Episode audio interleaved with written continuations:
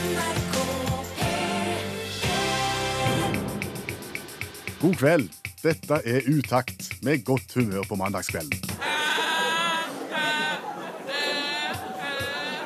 To timer i godt selskap. Med variert musikk.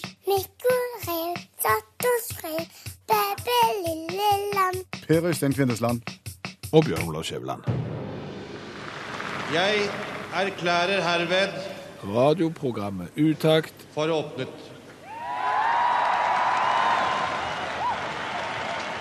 Hva skal vi slå et slag for i kveld, Skjæveland? måtehold. Måtehold. Ja, altså mer, mer spesifikt så skal vi slå et slag for måtehold innenfor varslingssystemer for hvitevarer.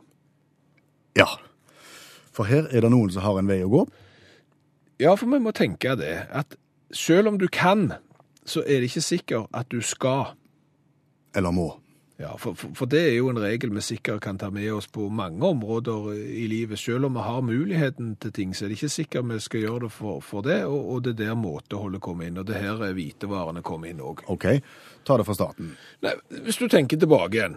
Nå blir det litt sånn eh, Kvinnesland og Skjæveland forteller fra gamle dager, men jeg husker jo den første vaskemaskinen og sentrifugen som jeg hadde hjemme. Det var en AEG Lavamat, het den. Var det en sånn med to kammer, det på en måte? Én for vaskemaskinen og én for sentrifugen? Ja, så når du var ferdig med å vaske klærne, så måtte du fysisk flytte dem fra liksom, den beholderen over i, i eh, sentrifugen, og så bråkte den noe voldsomt hvis du ikke hadde fått uh, virkelig balanse i sentrifugekammeret. Men det var nå én ting. Når den var ferdig Ja. med prosessen sin, enten det var klesvask eller sentrifugering, så sa han ikke fra. Nei, Han bare ga seg og tenkte at det fikk være det, og så Ja. var det opp til deg å finne ut når han var ferdig. Ja, så, så du måtte jo ned og så se, oi, ok, eh, maskinen sviver ikke lenger, det betyr at han er ferdig. Og, og så tok du ut eh, klesvasken, og, og så enkelt var det. Men så har jo verden gått fremover, teknologien har eh, tatt kvantesprang, og plutselig så, så kan maskinen fortelle deg at, vet du hva, Skjæveland, nå er jeg ferdig. For eksempel den gamle tørketrommelen min. Når den var ferdig med å tørke klær, så hørtes det sånn ut. Det var ikke rare stussen. Nei, det er bare en liten OK, nå er jeg ferdig. Nå er jeg ferdig. Og, og da hører jeg det, og så vet jeg at den er ferdig. Så tenker jeg ja, ja, det haster jo ikke med å ta det ut, men, men det er nå så. Og så har jo verden gått enda lenger fram enn det, for dette det var en seks år gammel eh, tørketrommel. Jeg har nylig kjøpt eh, ny oppvaskmaskin, altså en 2017-modell eh, oppvaskmaskin. Og den høres sånn ut Arne er. Nei, det var ikke rare stussen, det heller. Nei, en liten, en liten trudelutt. Og da vet jeg at eh, oppvaskmaskinen er ferdig, og da haster det ikke å ta ut av den heller. Nei. Jeg har også kjøpt ny vaskemaskin og tørketrommel faktisk på denne sida av, av nyttår. Ja, Og de har, Det er jo samme merke, og de har identisk lyd, og de de er på en måte i samme skolen.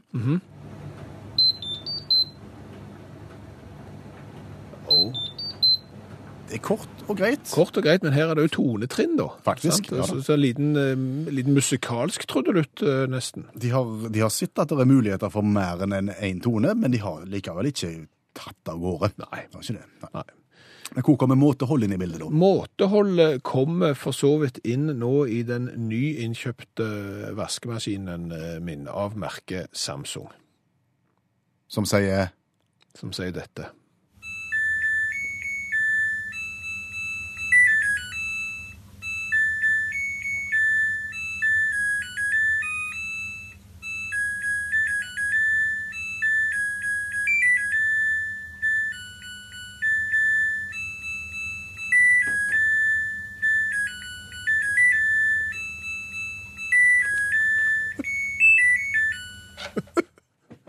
Ut som en liten barnesang. Ja, men Kan det være nødvendig? Altså I utgangspunktet nå Nå hørte jo folk eh, kanskje denne her trudelutten for, for første gang, og så tenker de ja, men det var jo en feiende lite, liten flott eh, melodi. Og det syns jo jeg òg for så vidt den første gangen.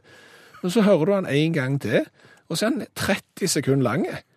Så da tenker du Ikke så kjekt å høre på han, litt irriterende faktisk. Og så hører du han for tredje og fjerde og femte gang, og da er det jo sånn at snart må jeg jo finne fram, og dette er jo et, et av de store fallene for enhver mann, det er å måtte finne fram bruksanvisningen. Nå må jeg snart finne fram bruksanvisningen for å se om det går an å skru av denne lyden, eller så kommer jeg til å skyte den oppvaskmaskinen. Ser vi for oss han Samsung-ingeniøren der han satt? Sånn, da har han funnet, vet du hva, hvis jeg skrur litt på den, sånn ja, der, og så skal jeg stoppe nå. Nei, ta litt til. Ta litt, eh, litt kjekt, så god lyd. Nå begynner det kanskje å bli nok. Nei, jeg tar et lite refreng til, og så Nå skal jeg stoppe. Nei, det var gøy.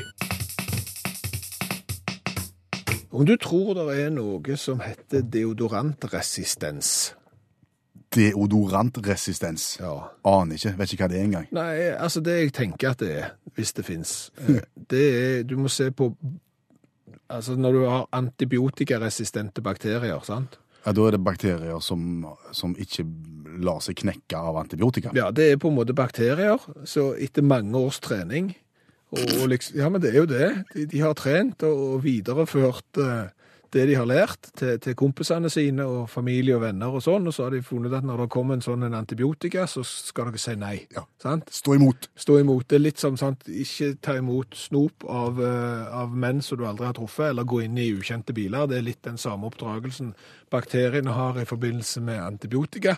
Og så har de lært seg at dette skal vi ikke bite på. Hvor kommer deodoranten inn i bildet? Jeg lurer på om deodoranter har på en måte noe av det samme. Jaha. For, fordi at jeg sverger til én deodorant. Ja, det er Nobleman. Nei, det er ikke det, men det, for eksempel så kan vi godt si det. Nei, Calvin Klein, Ja. CK1. Essery. Yes, for det fordi den kan du kjøpe, ta tre av i taxfree og betale for to. Så den har, jeg, den har jeg hatt i mange, mange år. Og så opplever jeg dette her på regulær basis, at etter, la oss si, et halvt års tid, eller noe sånn, så slutter den på en måte å virke. At den deodoranten som for meg har virka 100% perfekt, som gjør at jeg liksom ikke svetter i armhulene, T-skjortene er like tørre under armene som de var når jeg tok de på meg, plutselig så begynner jeg å ane at det, det liksom, det svetter. Det er akkurat som deodoranten ikke virker lenger, selv om jeg bruker den på akkurat samme måten, og det er da jeg lurer på, på en måte om kroppen har, har den der greia som bakteriene har, at nå har de lært den eh, deodoranten å kjenne, og nå biter de ikke på den Nå lenger. kommer han med den der CK-en sin. Ja, nå går jeg ikke i fella. Nå, nå nytter det ikke. Jeg, nei, dette her, jeg lar meg ikke lure lenger. Jeg svetter. Ja. Og hva må jeg gjøre da? Skifte, kanskje? Selvfølgelig. Ja. Da skifter jeg til en annen. Ja. Og vips, så er det like tørt som det var før. Er det sant? Ja. Så brut virker. Irish Spring. Nei, men så, så, sant? så har jeg den, og så liker jeg den egentlig ikke. Den, den der andre, så, så, sånn, den der mellom deodoranten, på en måte. Så etter en stund, da, eh, ei uke, kanskje, to, så går jeg tilbake til CK. Og da har på en måte kroppen glemt ut at den her eh, virker ikke hos meg. Nå, da virker den. Ei stund til. Ja, et, lenge. Oi, ja. Så, så jeg tror at kroppen er på en måte litt sånn som kan lære seg opp til å bli deodorantresistens. Så dermed så må du ha et par forskjellige typer deodorant liggende i skuffen, sånn at det, når kroppen slutter å respondere på den ene, så går du over til den andre. Det er et nyttig tips å ta med seg. Ja. Ice Blue. Du, Ja. De tre bukkene Bruse Ja. Er jo et eventyr som både vi har hatt det veldig mye gøy med, men som har forstått at de som hører på utakt òg har hatt det veldig mye gøy med når det gjelder oversetting fram og tilbake. Mm. Det begynte med amerikansk, og så var vi via fransk. Vi oversatte via internett, sånn oversettelsesverktøy, så oversatte vi Bukkene Bruse-eventyret fra norsk til fransk og tilbake inn til norsk, og da ble det mye kjekkere enn det var bare på norsk. Ja, faktisk. For det skjer noe på veien der. Ja, det gjør det, og, og så har svært mange gjort det samme hjemme i sin egen stugu. De har tatt dette her og prøvd forskjellige språk og fått artige resultat, og, og dette har spredd seg på Facebook-sida vår, blant annet. Og vi har fått et tips om at det kunne være lurt å lese dette eh, eventyret med å oversette det først til galisk, Hva er galisk? skotsk. Altså Skotsk-galisk er det sånn keltisk språk som snakkes i, i Skottland. De snakker jo engelsk òg der, da, men, men det er samme språkgruppe som irsk og mansk. OK. Det brukes tre geiter ville gå til fjellet for å være overvektig. Og alle tre som heter Billy Goat Gruff. På den måten var en bro over en foss som de går over, og under broen bodde et stort stykk troll med øyne som tinnplater og nese så langt som mine øyne beinet. Først kom den yngste Billy Goat Gruff og krysser broen. Tripp fellen trapp broen. Hvem er det som tripper på min bru? Skrek trollet. Å, det er bare den minste Billy Goat Gruff. Jeg gikk til min plass til overvektige. Sa bukken. Han var veldig fin stemme. Nå kommer jeg og tar deg. Sa trollet. Å, jeg vil ikke fordi jeg var så liten, jeg. Bare vent litt, så kommer mitt Billy Goat Gruff. Er mye større. Greit. Og deretter gå. Sa trollet. Mens i midten Billy Goat Gruff og krysser broen. Tripp felle tur trapp tripp trapper broen. Hvem er det som tripper på min bru? Skrek trollet. Å, det er bare mitt Billy Goat for å posisjonere seg fett. Sa bukken. Det var ikke så fint med en stemme. Nå kommer jeg og tar deg. Sa trollet. Å, ikke meg. Bare vent litt, så kommer den store Billy Goatgraff. En langt, langt større. Greit, da. Sa trollet. Det kommer for en stund, og så kommer den store Billy Goat Tripp felle tur, trapp tripp trapper broen. Det var så tungt at brua knirket, og begge mistet etter. Hvem er den tramping over min bro? Skrek trollet. Den store Billy Goatgruff, Sa bukken, han var så grov stemme. Nå kommer jeg og tar deg. Sa trollet. Ja, kom deg. I to horn som spyd. Med dem jeg skal stikke ut øynene dine. Mine to steinblokker, med dem skal jeg knuse bein. Sa bukken. Og det går på troll, og han stakk ut øynene, brakk begge beina og stanget den over fossen. Deretter gikk til setene. Geiter fett, så fett at de nesten ikke orket å gå hjem, og ikke i dem fett er de fortsatt. Snapp, sokket og krage, så det eventyret ute. En mann som aldri svikter, som alltid kommer når han skal. Han heter Olav Hove. Han er allmennlærer med to vekttall i musikk. Velkommen igjen, Olav. Takk for det. Og han hjelper oss jo med ting som vi ikke har greie på, og en ting vi ikke har greie på, det er jo å telle folk. For nå har jo Donald Trump blitt innsatt i USA, og den store debatten var jo hvor mange folk var der egentlig og så på at han ble innsatt. Ja, Ifølge Trump fire millioner. Ja, ifølge de andre en håndfull. Ja. Hvem har rett, Olav Hove? Nei, det er faktisk ikke så godt å si, da. Nå sa vel Trump at det var, så ut som ca. en million, eller en og en halv million, sa han etterpå. Eh, og da har vi jo ledd litt av, men så, kanskje ikke skal det heller, liksom. Fordi at dette med å telle folk er ganske vanskelig. Eller å estimere folk viser seg å være ganske vanskelig. Jeg har gått litt inn i det og viser seg at det er mye tull med det opp igjennom. Um, og kanskje i Washington spesielt. Jeg vet ikke om det er denne Noli som står opp som lager skygge, som gjør at det er vanskelig, men det er ekstra vanskelig i Washington. Og, og eh, i Washington så er det sånn at eh, National Parks, Park Service, altså de som driver med vedlikehold av park, de har ansvar for å telle hvor mye folk det er. Det de gjort siden 1963, fram til 1995, og da var det noe som heter Million Man March i Washington. Eh, og, og Parkservice så på gjengen som samles, og sa mye folk, 400 000, hjelper meg. Så er problemet at de som arrangerte marsjen, de oppga tallet til 1,8 millioner. For de fikk kontingentpenger? Ja, det kan være. Det er litt pirking, føler jeg. sant? Eh, eh, og de ble så sure for eh, at de- bomma med 1,4 millioner at de trua med søksmål. Selvfølgelig. Det er jo logisk, da. Og da måtte det inn en tredjepart, og det var nemlig Senter for fjernmåling i Boston. De har jo greie på slikt. Det er helt sant de heter det. Og de, de samla inn 1000 på 1000 på 1000 på 1000 av bilder, for det var mye bilder. Tek mye bilder de som gikk i den marsjen. Eh, eh, og telte i tre måneder, og kom fram til at det var 837 214 mennesker på marsjen. Altså eh, midt imellom omtrent. Ja. Eh, og Farouk El-Baz, som er sjefen på eh, Fjernmålingsinstituttet i Boston, han sier at det er ikke så lett dette her. fordi at, at egentlig... Nei, det er jo i hvert fall ikke lettere når du skal sitte i Boston og så telle folk i Washington. Da blir det jo bokstavelig talt fjernmåling. Ja, og det er nettopp derfor de er flinke til det. Men han sier at det er så vanskelig, fordi at egentlig så tar du bare antall personer per kvadratmeter ganger kvadratmeter. Men så er det lys, og så er det skygge, og så er det størrelse på mennesket, om de er tykke eller om de er smale, om de står i ro, om det hvor stor avstand det er. Det er en haug med ting, da. Og så de bestemte seg for å utvikle dette her litt. da. Finne ut hva en skal gjøre, og komme med kamera og slike ting. da.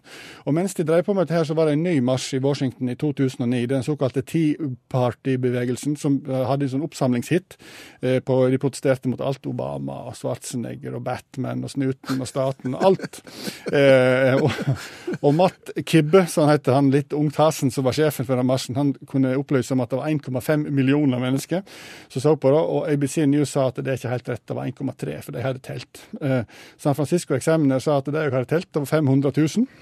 Og da måtte de jo ringe Fjernmålingsinstituttet igjen, som kunne opplyse om at jo, etter tre nye måneder nå, så har vi kommet fram til at det var 60 000 der. Så, eh, eh, så dermed så har de gjort noe mer. Så har de fått tak i noe teknologi, og det er sånn HD aerial-foto, som det heter. Det er datasimulering, det er luftballong med DSLR-kamera, jeg vet ikke hva det er. Tar bilder fra 200-300 forskjellige vinkler, 200-300 forskjellige høgder. Ortografiske bilder fra droner, jeg har ikke peiling hva det er. Eh, og, og som han sier, han Baez, de lenger vekke du ser noe, de færre ser det ut som det er. Det stemmer jo, det har jeg sett sjøl. Eh, men allikevel, og 3D-rutenett. Men det som er problemet, sier han Baez, for nå har de prøvd det når paven var på besøk, og de fant ikke ut hvor mange folk det hadde ikke peiling. Det er litt problem. Han er kvitt var paven. ja, de, de fant paven, men ikke hvor mange som var der. Så sier han, men Problemet er at de ut, dette systemet som de har for å telle folk på sånne, med alle disse kameraene, det er utvikla for å telle sanddyn i Egypt, egentlig. Eh, og telle tre i California. Og det sier han er litt som å, å lage TV med utgangspunkt i en radio. Så de finner det søren ikke ut. Og da han bare sier at det er nesten umulig å telle folk. Det blir bare en gjetting, og det beste er å ta inngangsbilletter. Men der er jeg litt uenig. For jeg var på Viking Sogndal for to år siden. På Viking stadion. Og jeg var kliss alene. Så kommer spikeren inn og sier at det var 8000 der. Tusen takk, allmennlærer med to vekter i musikk, Olav Hove. Hvordan gikk den kampen? Jeg vet ikke. Ikke minst blir vi glad når vi får bilder tilsendt. Vi har fått et bilde tilsendt av Hauge 2 i Grimstad, et bilde som har gjort oss oppskaka, og vi har rett og slett sett oss grunn til å måtte reagere på vegne av alle som liker oransje, brune og sorte nonstop. Ja. Eh, bare begynn med en kort definisjon. Nonstop, hva er nonstop? Nonstop det er godteri, det er sjokolade, små runde tabletter i forskjellige farger, oransje, rød, brun, gult, grønt og sort. Eh, Og det bildet som Hauge 2 har sendt oss, eh, der alle nonstoppene i en hel pakke er lagt ut i et sorteringsfelt, viser at det er en kraftig overrepresentasjon av gule og grønne nonstop. Hvordan kommenterer du dette, Haugetop? Det er helt vanlig. Er det vanlig? Det er ikke vanlig med gult og grønt, men det er alltid en eller annen som er underrepresentert. Dette har du greie på, for dette har du forska på i mange år, har vi skjønt? I alle år. Hvor, hvor langt tilbake i tid går vi, tror du? 20-25 år etterpå. Du, du har jobba med nonstop-forskning i 25 år. Ja, til alle venners forbannelse. Det, det vil si at hver gang du kjøper en pose med Nonstop, så legger du ut samtlige, samtlige Nonstop på et bord i system for å se hvor mange det er, og hva farge de er. Tre og tre i, i, i søylediagram. Og et bilde eventuelt eh, dokumentert i en hyttebok. For det er jo som regel på hytta med Grosås, Og folk sitter og sigler på sida. Og en må, ha, en må jo da eventuelt ha en gaffel eller en kniv som du kan eh, forsvare deg med. For det er jo alltid noen som skal ødelegge opplegget. Og, og når du sier du har gjort dette i over 20 år, hvor mange pakker og mange poser tror du det er i året det er snakk om? Nei, jeg vet ikke, men det er vel en tre, tre, fire, fem, 600 poser. For det, er, det er mye nonstop-sider i hyttebøkene rundt. Men ok, men hva sier forskningen din? At, at det alltid er ujevnt forhold mellom fargene? Ja. Men, men ingen farge som oftere går igjen som vinneren? Det er lite mørkt. Ok. Eh, Svart og, brun er lite. Og jeg har en eh, bekjent som er på Freia, som jeg da har konfrontert med det her, men han ville ikke uttale seg. Og til 40-årsdagen min så var det noen venner som skulle ha det gøy med de greiene her, og de hadde jo eh, per, per brev korrespondert med Freia, og de ville ikke uttale seg. Så eh, de henger i glass og ramme. Rett Så og slett. det er nok et, dømt punkt. Det er nok et dumt punkt. Men uh, har du opplevd at, uh, at det, det må jo innrømmes at det er en litt sær hobby dette her, å stable nonstop i uh, søylediagram. Er det noen som har påpekt dette, eller får du lov å holde på i fred? Alle, alle kommenterer det. Ja. Det er det som er så gøy. For alle har jo en eller annen greie med når du er peanøtter, så spiser du alltid halve først. Og så begynner du med et dobbelt opp med det hele til slutt. Eller, men det er ingen som innrømmer det. Men avslutningsvis, Hauge 2, er det forskjell i smak i forhold til farge på Nonstopen? Nei, når vi eter det, så eter vi sams. Eh, Kjerringa eter to og to har lik farve. Eh, Så når jeg kom hjem og hadde tatt eh, dokumentert bilde i dag, så mangla to oransje, og de har jeg mistanke om har gått i henne. Så, så nei, hun visste ingenting. Men, men, men vi trenger ikke være bekymra med tanke på smak om det er den eller den fargen, for det smaker likt uansett. Ja, eh, jeg mener vel på at det er en liten nyanse, for det var vel noe sånn Nonstop-is for noen år siden, og da, eh, i hvert fall ungene, de sa de at de, jo, de gule var mye bedre enn de røde, de røde tror jeg det var. Så det der er noe, men når jeg eter dem, da eter jeg med en, en neve om gangen. For at Nonstop er godt, og det skal være den originale, den vanlige med mørk sjokolade. Ikke det andre fjaset med neon eller eh, det her andre fargen. Tusen takk til Nonstop-forsker Hauge 2 fra Grimstad. Ja, altså- som etter 20 og 25 års forskning har kommet fram til en del oppsiktsvekkende resultat, og vi bare oppfordrer til fortsatt eh, forskning på Nonstop. Og Gå gjerne inn på vår eh, Facebook-side, så ser du bildet fra Hauge 2 og hvor skjevt dette her egentlig er. Har vi en Nonstop-sang? Eh, Ja, på en måte har vi nonstop-sang. For nonstop, det vil jo si at du ikke skal stoppe. Du skal bare fortsette, du skal ikke gi deg, ikke sant? Så, så, så vi har en sang som heter Don't Stop. Believe in. En ting som er litt ubehagelig, det er jo å bli tatt med buksene nede om at allmennkunnskapsnivået er for lavt. Uhyre lite kjekt i selskapslivet. Ja, det, det er jo det, og ofte så handler jo dette om litteratur. Bøker du burde ha lest fordi at det er klassikere og står på pensum på en måte i den eh, virkelige oppdragelsen. Og der står du og har ikke lest det, og framstår som du ikke er Ikke spesielt inklekkelig. smarte i det hele tatt. Og det er her vi tar grep, det er her vi har tatt grep de siste månedene. Vi har tatt for oss en litteraturklassiker hver eneste mandag kveld. Gått igjennom den og lært oss den på tre minutter. Ja, og, og dermed så kan du jo stå fram i selskapslivet som en av de som er mest inklekkelig Smarte. smarte. Ja. Vi får hjelp av litteraturviter og forfatter Janne Stigen Drangsholt.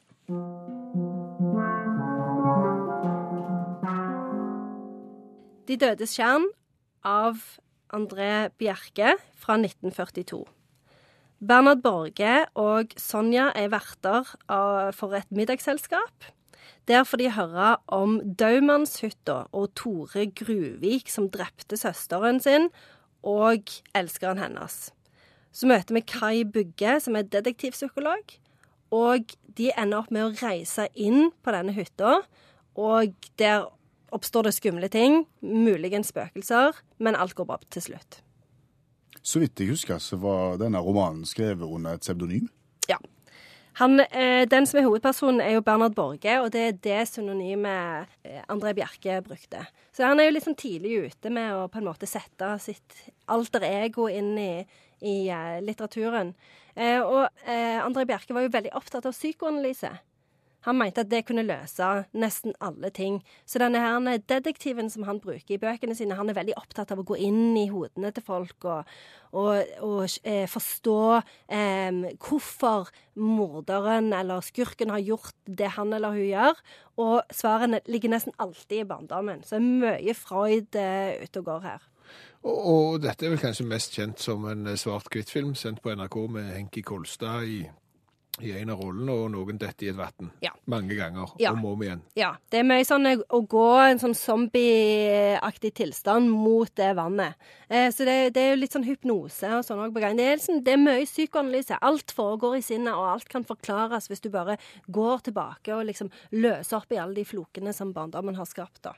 Men hvem er det som blir imponert hvis du har lest eh, Andra Bjerkes hyttetur? Nei, jeg tenker at det er jo, en, det er jo liksom en av de første norske krimklassikerne. Så jeg tenker at krimfolket faktisk kan bli ganske imponert. Og, og det er jo ikke en dum roman å lese. Den er jo spennende. Eh, og han er ganske god på å lage et plott, han eh, André Bjerke.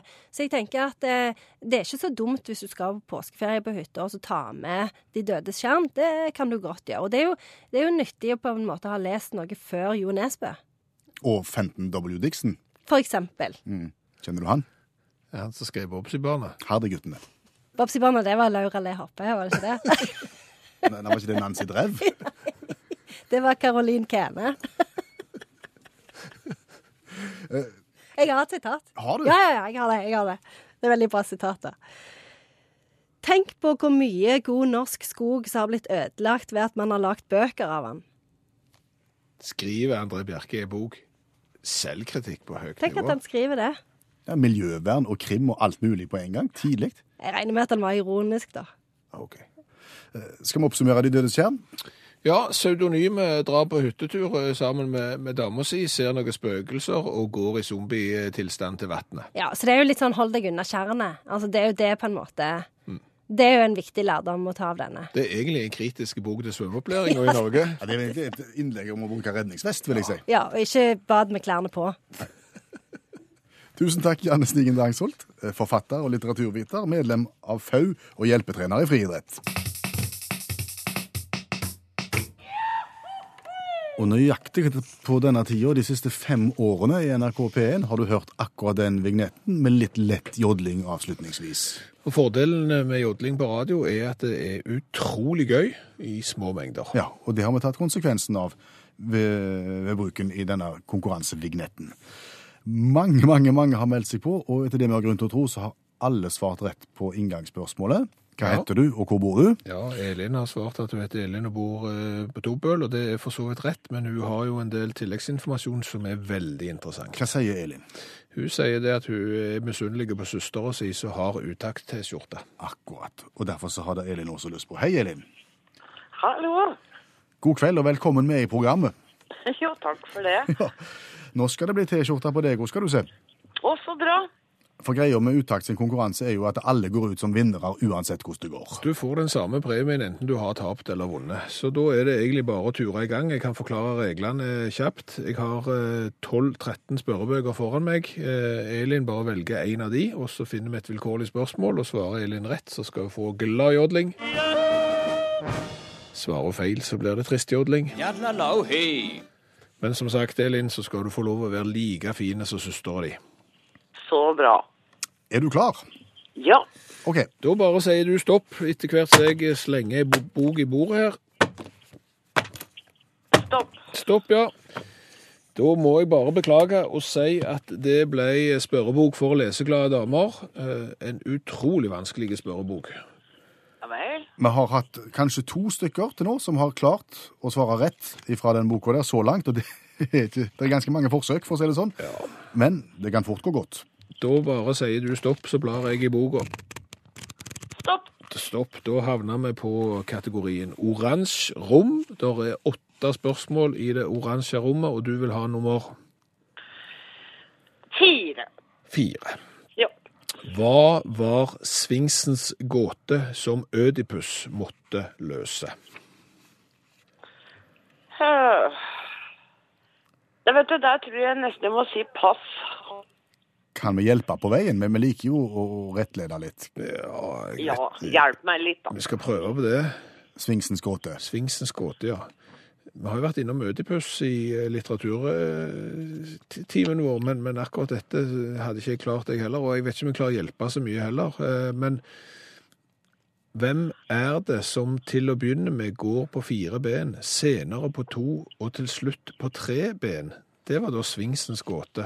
Var det svaret på, på oppgaven? Ja. Da har du full forståelse for at ikke du klarte den, Elin. Og svaret på det, den gåten der skal da visstnok være menneske. Altså, hvem er det som til å begynne med går på fire ben, senere på to? Det skjønner vi jo, sant? Og til Ja. og til slutt på tre? Ja, det er vel kanskje en eller annen som har eh, måttet eh, gamle dager kappa seg beina og fått treben, det er det kanskje. Eventuelt eh, må ha en stokk. Men, ja, ja. Vet du hva? Vi gir, vi gir rett og slett tristjodling til spørsmålet. For å si det sånn, det er spørsmål under enhver kritikk. Sånn kan vi ikke ha det. Nei. Vi er ikke kommet her for å ha det gøy, men allikevel. Vi prøver igjen. Du sier bare stopp. Stopp, ja. Da er vi på 1000 spørsmål og svar fra Dam sin spørrebok fra 1962. Og da sier du stopp, så bare blar jeg så fort jeg kan. Stopp. Stopp, og vi er på gruppe 12. Ja, Aner ikke hva gruppe 12 er, men det er fremmedord. greit. Der er det 25 fremmedord å velge i. Hvilken skal vi ta? Eh, da tar du nummer tre, tenker jeg. Nummer tre. Nummer tre. Hva er en pinakotek? En En, Pinakotek. en pinakotek. Ja. Har ikke peiling. Nei, men så, så, så, sånne tek, sånne apotek og, og diskotek hjelper for så vidt ikke mye her. Eh, for, fordi at det, Altså, te Ja. Det var vanskelig, dette. Ja, det, det er vanskelig å hjelpe òg. Altså, la oss si at diskotek det er en samling av dansende mennesker. Ja. Et apotek er en samling av medisiner. Mm. Det er ikke sikkert dette stemmer, men nå tar jeg det fra egen eh, hukommelse. Pinakotek, det er en samling av Gryter. Veldig godt forslag, eh, men eh, tenk deg noe du har på veggen som gjerne en eller annen har brukt eh, litt tid på at det skal være fint, men det trenger ikke nødvendigvis å ligne på noe. Men det kan ligne på noe, men av og til er det nonfigurativt, av og til Kunst, ja. Ja. Ja, nesten. Malerisamling. Pinakotek. Flott. Da har vi lært noe i kveld, Elin. Da lærte vi litt, vet du. Yes, sir. Ett spørsmål igjen. Yes. Vi gjentar prosedyren. Stopp. Stopp. Feriequiz. 1000 spørsmål for hele familien. Og siden bare si stopp. Stopp. 71. Underholdning. Ti spørsmål om underholdning. Du tar nummer, Nummer, da tar jeg nummer ti, da. nummer ti. Ja. Er du sikker på at du ikke skal eh, ta nummer eh, tre heller? Var det enklere, eller? Ja, ti var veldig vanskelig. Ja, nei, men da tar vi nummer tre, da. Ja. Hvilket slek slektskapsforhold er det mellom Klodrik og Donald Duck? De er eh,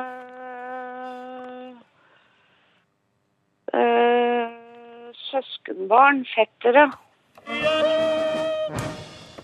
Der satt han til slutt. Det er midt i blinken. Så bra. Ja. Spørs det andre spørsmålet det var om du visste skuespillerens navn som spiller Borat. Det er han i den litt rare badedrakten som går rundt og er kasakhstaner. Nei, Nei, så da var det greit at vi gikk på tre. det var veldig greit. Ja. Elin, nå blir det uttakt- nå blir det uttakt-T-skjorte på deg òg. Å, så flott. Så nå foreslår jeg at du saler opp både deg og søsteren di i uttakt-T-skjorte og sender bilde til oss, så vi har det til neste program. Ja, vet du hva? Det skal vi jammen meg gjøre. Utakt NRK P1, og vi skal utenriks. Anledningen er cola. Ja, det er det. Eh, Utakt tar mål av seg til å være det radioprogrammet i hele verden som har smakt på flest typer eh, cola. Fra hele verden. Ja, og årsaken til at vi gjør det, det er offisielt, fordi det er god forbrukerjournalistikk. Du som eh, radiolytter skal vite hvilken cola du skal drikke i hvilket land. Den egentlige forklaringen er at vi syns det er råbarskt å være det radioprogrammet som har smakt på mest, flest typer cola. Og vi får jo hjelp fra deg som hører på, som, som tar med cola fra hele verden. Og nå har vi fått i dag fra Solbjørg og Johannes Vik, har vært i Italien og kommet hjem med boks. Ja, de har tatt med seg en boks hjem og fått den i fine papirpose med kort oppi og sløyfa på og alt, og sier tusen takk for god underholdning i eh, utakt. Colaen er kjøpt etter en ferietur langs den italienske rivieraen. Fortell om boksen. Hvordan ser den ut? Det er en høyreist, slanke metallboks som er rød, 330 milliliter. Står Mole Cola på, og så er det på en måte en litt sånn minaretaktig spiss på selve logoen. Og det kan jeg forklare hvorfor. Fordi denne Mole-colaen, som er født og oppvokst i Torino i Italia i det herrens år 2012, den det som preger den, den spissen, den eh, minareten på en måte, det er da toppen av en bygning som heter Mole Antoniella, jeg kan ikke det på italiensk, vet du, Antonelliana. Aha. Og det er en berømte bygning i Torina som er rett og slett et, det er kuppelen på et filmmuseum, det nasjonale filmmuseet, og det er ganske, jeg har vært der.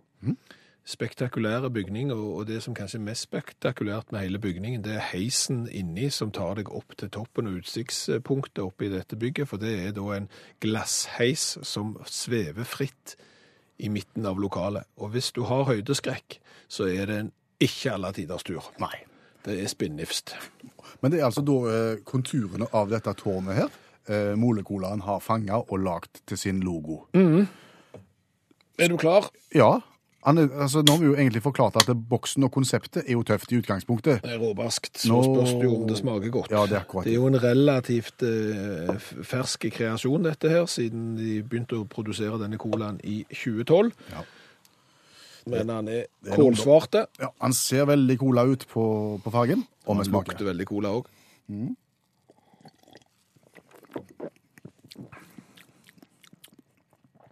Og den mangler smak. Ja, men det gjør jo at han smaker jo ikke vondt. Nei. det var jo utrolig lite smak. Er du enig med meg? Altså Hadde dette vært vin, så hadde du sagt dette er en pøsevin. Den her, kan, den her kan du drikke uante mengder av. Der er ingenting vondt med den. Det, det går rett ned, men, men det er litt lite smak. Ja, jeg vil si det. Så jeg kan ikke gi mer enn en, en, en treer i smak her. Jeg Altså. gir fem. Nå må du ikke glemme Du gjør bare tre, ja. Det er jo, du må jo ikke glemme hvor mye vondt du har smakt. Nei, jeg, jeg, vet du hva? Selvkritikk. Fire. Fire. Da har vi ni på det, og så er jo spørsmålet hvor kult dette her er. Det er kjempekult. Tøff boks. Tøff logo. Ja. Utgangspunkt. Alt tøft. Ja. Ja. Fra Torino. Bruke et eh, landemerke fra Torino. Eh, lage en litt annerledes boks enn de aller fleste. Her skal de ha honnør syv. Ja, enig. Blanke sjuer i design. 14 pluss 9 er 23, og da er vi oppe blant de ca. 20. Det er veldig mange på 23. Men Du hva, Hadde Mole Cola, han bare spandert på litt mer smak, så tror jeg han hadde vært helt, helt, helt der oppe. Og her er Olav Hove, allmennlæreren med to vekttall i musikk, som gjester Utakt hver eneste mandag. Nå har jeg rett og slett bare lyst til å spørre deg, hva, hva vil du ta opp nå, Olav? Nei, nå er det litt knute på tråden her. For jeg, jeg, jeg vet ikke om folk har fulgt med, men det, det har vært en del om knuter den siste veka. Eh, eller nærmere bestemt en knute. Britiske forskere har, har klart å knutte den minste og letteste knuten noensinne. Det er universitetet i Manchester ved ledelse av David Lee. Han er ikke i slekt med Sammy, for det skrives annerledes. Men de har klart å Den letteste knuten noensinne. Ja. Da ser jeg for meg en knute som er lett å knutte og lett å knutte opp. men Det er kjerringknute. Ja, Det er en lette knute. Ja, og, men, men det kan være litt vanskelig sånn, rent fingermessig. for Hvis du knytter opp knuten, står, sier Li, og legger trådene ved siden av hverandre sammen med 2500 andre slike tråder, så får du tjukkelsen til et hårstrå. Litt sånn sært, da, eh, føler jeg. og- Og jeg ser det sånn de har knytta den tynneste og minste knuten noensinne. Sånn, ja. ja, Mm. ja, ja. Og det, Hvorfor har de gjort det? nei, det åpner seg utallige muligheter. Det er derfor. Men, ja, så da tenkte jeg at, at, at dette her med knuteforskning det må jo være interessant. For, Ja, ja. Det må finnes mer interessant enn dette. Og det gjør jo, det. er en helt egen forskningsgren, knuteforskning. Og I hundrevis av år har matematikere f.eks. forska på hvor mange måter du kan knytte ei skolisse på. Det kan de jo prøve sjøl når de kommer hjem i kveld og knytter. Det finnes en haug med måter. Og det interessante er at de har ikke funnet ut det. da. Hvor mange, måter, på mange måter det. Eh, kan nevne at Peter Osvat og Soltan Sjabo er verdensledende innenfor eh, skolesyknytting. sko- Skolisseknytting. skolisseknytting. Da de er henholdsvis Columbia Princeton University. De, de har, de har utvikla en såkalt knutehomologi. De bruker, bruker symplektisk geometri. Jeg vet ikke om jeg skal gå inn på det. Men det er tror iallfall det, Men, altså. men, eh, Men får, de får lønn. De går på jobb. Mm. I dag så skal jeg se om jeg klarer å knytte skoene mine. Ja, for og så får de penger, og så går de hjem og så spør for eh, ungene Ja. og sånn, hva har du gjort på jobb i dag, pappa? Nei, det jeg knytter sko. Men poenget, hvis de finner ut av det, så åpner det seg uante muligheter, Bjørn Ole. Ja. Der òg, ja. Så, det, ja, så det, ja, og- og så finnes det jo knute, og så skal du liksom utvikle knuteforskningen, så må du tenke utenfor boksen. og det, Så en har f.eks. forska på knuteforståelse hos huskatt. Det er liten forståelse for det, kan jeg si. De har liten interesse for det. Til og med når det er mat innblanda. Katter kan ikke knytte opp knuter. De enkleste knuter klarer ikke huskatter. De har ikke prøvd med villkatt, skogskatt osv. Men, det- men iallfall, jeg vet ikke hva de ville fram til da. Eh, Men hvis vi skal ta interessant knuteforskning, da, så er det til med hvorfor eh, blir ledninger i skuff reir? Det har folk forska på. Reiv. Reir, Ja, altså Når du legger oppi en ledning i, i Ja. så kommer den jo alltid opp som en sånn en mingvase. Ja, Ja, sant? Du, og hvis du, har, hvis du har headset i lomma, sånn, så blir det en forferdelig vase. og så, ja, så må du jobbe med. Eh, eh, og og, og nok, to stykker har tatt opp tråden her. Eh, Fysiker Douglas Smith og studenten hans, Dorian Raymer, ved Universitetet i San Diego. De har forska på dette her, hva, hva som skjer. og, og da har de tatt en ledning, og så har de tatt en boks, og så har de snurra boksen. ti ganger, og så har de sett nedi. Og så har de strekt ut at eh, ledningen, lagt den opp i boksen, så har de snurra boksen ti ganger, så har de sett nedi. Dette har de gjentatt 3000 ganger, og så har de økt lengden på eh, ledningen, minska lengden på ledningen, gjentatt 3000 ganger. Du er ikke lei av det? Eh, nei, nei, nei. Gjort ledningen stivere eller mjukere osv. 3000 ganger? Ja, 3000 ganger. Hva har de funnet ut? De har funnet ut at 50 av gangen så, så lagde ledningen en knute helt av seg sjøl. Eh, eh, og det viser seg at hvis ledningen er 46 cm lang, det er grensa. Altså. Hvis den er over 46 cm lang, så blir det nesten knute uansett. Er den mindre enn det, så blir det ikke det så ofte.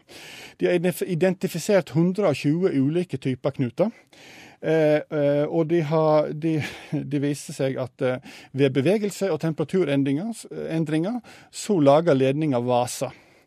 Så er spørsmålet da, hvordan skal en, eh, når en nå har funnet hvordan dette skjer, hvordan kan en unngå det? Det går ikke. Eh, det har de funnet ut. Det, det er bare slik det er. Noen piker lever leve med det her, folkens. da. Og, og, og hvis de syns det er kjipt, tenk på han stakkars studenten da, Dorian Reimer, som ble invitert med på et forskningsprosjekt. Tenk så mange headset han har måttet plukke fra hverandre. Stakkars mann. Og de begynte i 2007, og nå er ikke han student lenger, nå er han forsker. Og rapporten kom ut i 2014. I sju år satt han på laboratorium med headset-ledninger. Åh, stakkars mann. Bare 3000 ganger og rotere ti ganger. 3000 ganger, rotere tre ganger. Tre. Ganger ni. Åh. Tenk av muligheter som åpner seg. Ja, ja, det er sant. Man bare får bli ferdig. Tusen takk, Olav Hove, allmennlærer med to vekttall i musikk.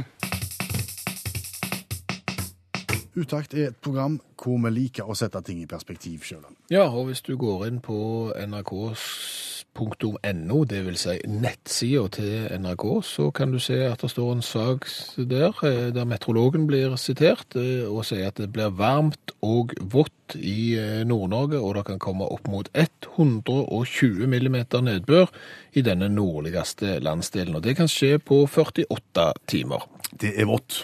Det er kjempevått. Det er vått. Ja. Eh, Kjempevått er det ikke. Eh, Heldigvis så er det ikke så vått at det vil være noen stor flomfare. Det er heller ingen stor fare for vannskader. Men som sagt så er det litt vått, men ikke veldig vått.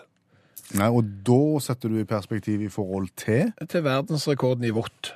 For det er vått, det. Det er vått. Det er kjempevått. Det er kjempevått, og det føler jeg at journalister og, og vi andre òg som får servert disse her værnyhetene med jevne mellomrom, vi må sette ting i perspektiv, og så må vi tenke at det, kanskje ikke det er så galt allikevel. Når var det vått, og hvor var det vått? Det var vått i 1952, den 15. mars, på den franske øya Réunion. Ok, Reunion, akkurat sånn, sånn som du har etter ungdomsskolen? Ja, på en måte. Eh, Det er da ei øy som eh, ligger ikke så langt ifra Madagaskar. Eh, Der eh, falt det da 1869,9 millimeter med nedbør på 24 timer. Og hvis du nå sier at Nord-Norge skal få 120 millimeter nedbør på to døgn, eh, så kan vi fortelle det da at hvis disse folka på Reunion hadde fått samme nedbørsmengden i 48 timer, så hadde de fått 3739,8 millimeter nedbør på to døgn. Ja. Og så la oss nå gjøre om disse millimeterne til liter, sånn at en får, et, får en følelse av hvor mye dette her egentlig er. Ja, for det at vi vi liker jo helst å måle vann i liter. Ja, vi syns det er greiest. Eh, Og 1869,9 millimeter, det er det samme som 1869,9 liter med vann helt ned på én kvadratmeter. Det er 100, vel 180 tilitersbøtter, det. Ja, altså det er nesten to tonn med vann på én kvadratmeter. Så kan du tenke deg at eh, hvis du har ei tomt på et mål, så, så blir det ganske vått. Ja. Så, så da blir 120 millimeter i Nord-Norge på to døgn, det blir litt fattig. Tror du de på Reunion kikket opp mot himmelen og sa eh, det er nok bare ei bøye? Kan jeg få lov å synge en vignett? Hvis du må. 20 spørsmål for Studio K7. Ingen publikum, ingen musikk og ingenting annet enn meg og deg i studio. Vignetten er fortsatt ikke 100% men konseptet er ganske artig. Konseptet er den gamle NRK-klassikeren 20 spørsmål, som eh, ikke lenger eksisterer, men som vi viderefører i en utaktversjon. versjon. Eh, Der jeg er den som eh, ved hjelp av 20 spørsmål skal forsøke å finne ut hva du tenker på, og det du tenker på, det har du funnet på EDB-maskinen på rubrikkannonser på internettet. Kjøp og salg på eh, internettet, og her er det ingen som sender inn rare ord på postkort. Og jeg tenkte jeg kunne gjøre en liten vri i dag. Eh, Du kan få lov å velge hva fylke denne rubrikkannonsen skal komme ifra. Da vil jeg eh, be om en rubrikkannonse fra Finnmark. En rubrikkannonse fra Finnmark. Der er det 1487 å velge i. Så må du fortelle Da må jeg bare finne den eh, siste, hva det er for noe. Det er den, ja. Trådløs. Trådløs ringeknapp. Trådløs ringeknapp. Ja. Og ved hjelp av 20 spørsmål så skal jeg finne ut hva denne rubrikkannonsen fra Finnmark altså handler om. Ja, eh, nærmere bestemt Kirkenes. Okay. Lykke til. Er det noe jeg har bruk for? Eh, du har det nok, så du trenger Eller du har en versjon, så du trenger den ikke, men du har ja. Å, du, eh, aner det noe jeg faktisk kunne tenkt meg å ha lyst på? En videre utvikling av noe jeg allerede har? Riktig. Eh, til bruk innendørs? Både òg. OK, så i godvær så kan du bruke den ute. I pøsregn Har ingenting med det å gjøre. Nei. Er det en pyntegjenstand? Nei. Er det noe som henger på veggen? Eh, Ja. Er det ei eh, utelampe som også kan fungere som en innelampe? Nei, er det ikke. Nei. Nei.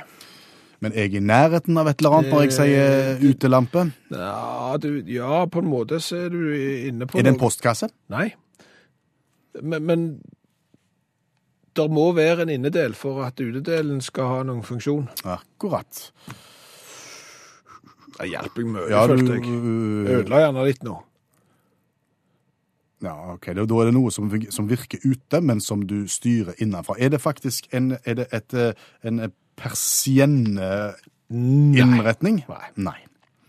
Det er det ikke. Er det en, er det en eh, bryter for utelyset, siden du, jeg var inne på utelyset? Nei, men du kan jo eksempel bare stoppe på Er det en form for bryter, kan du spørre om. Ok. Er det en form for bryter? Veldig godt spørsmål. Det er en form for bryter, kanskje, ja. Akkurat. Med litt overført betydning. Hmm. Det er en form for bryter som jeg kan bruke til å styre noe som er utendørs. mm. Nei, innendørs. Bryt... Ja, vent nå. Er bryteren inne eller ute? Nå må jeg tenke. Må du bruke et spørsmål på det. Og er bryteren ute? Ja. Bryteren er ute. Ja. Ringeklokka? Ding-dong? Det er riktig. Det er ding-dong? Ja. Oh. Men, men, men, men eh, du kan jo spørre eksempel, har han ledning? ja, det her kommer videreutviklingen inn i Ja. bildet, for jeg har ringeklokka med ledning. Ja. Dette er en trådløs knapp for ringeklokke Det- til salgs i Finnmark. Det er riktig. I Kirkenes for skarve 200 kroner så kan du få deg da en trådløs ringeknapp. Hæ?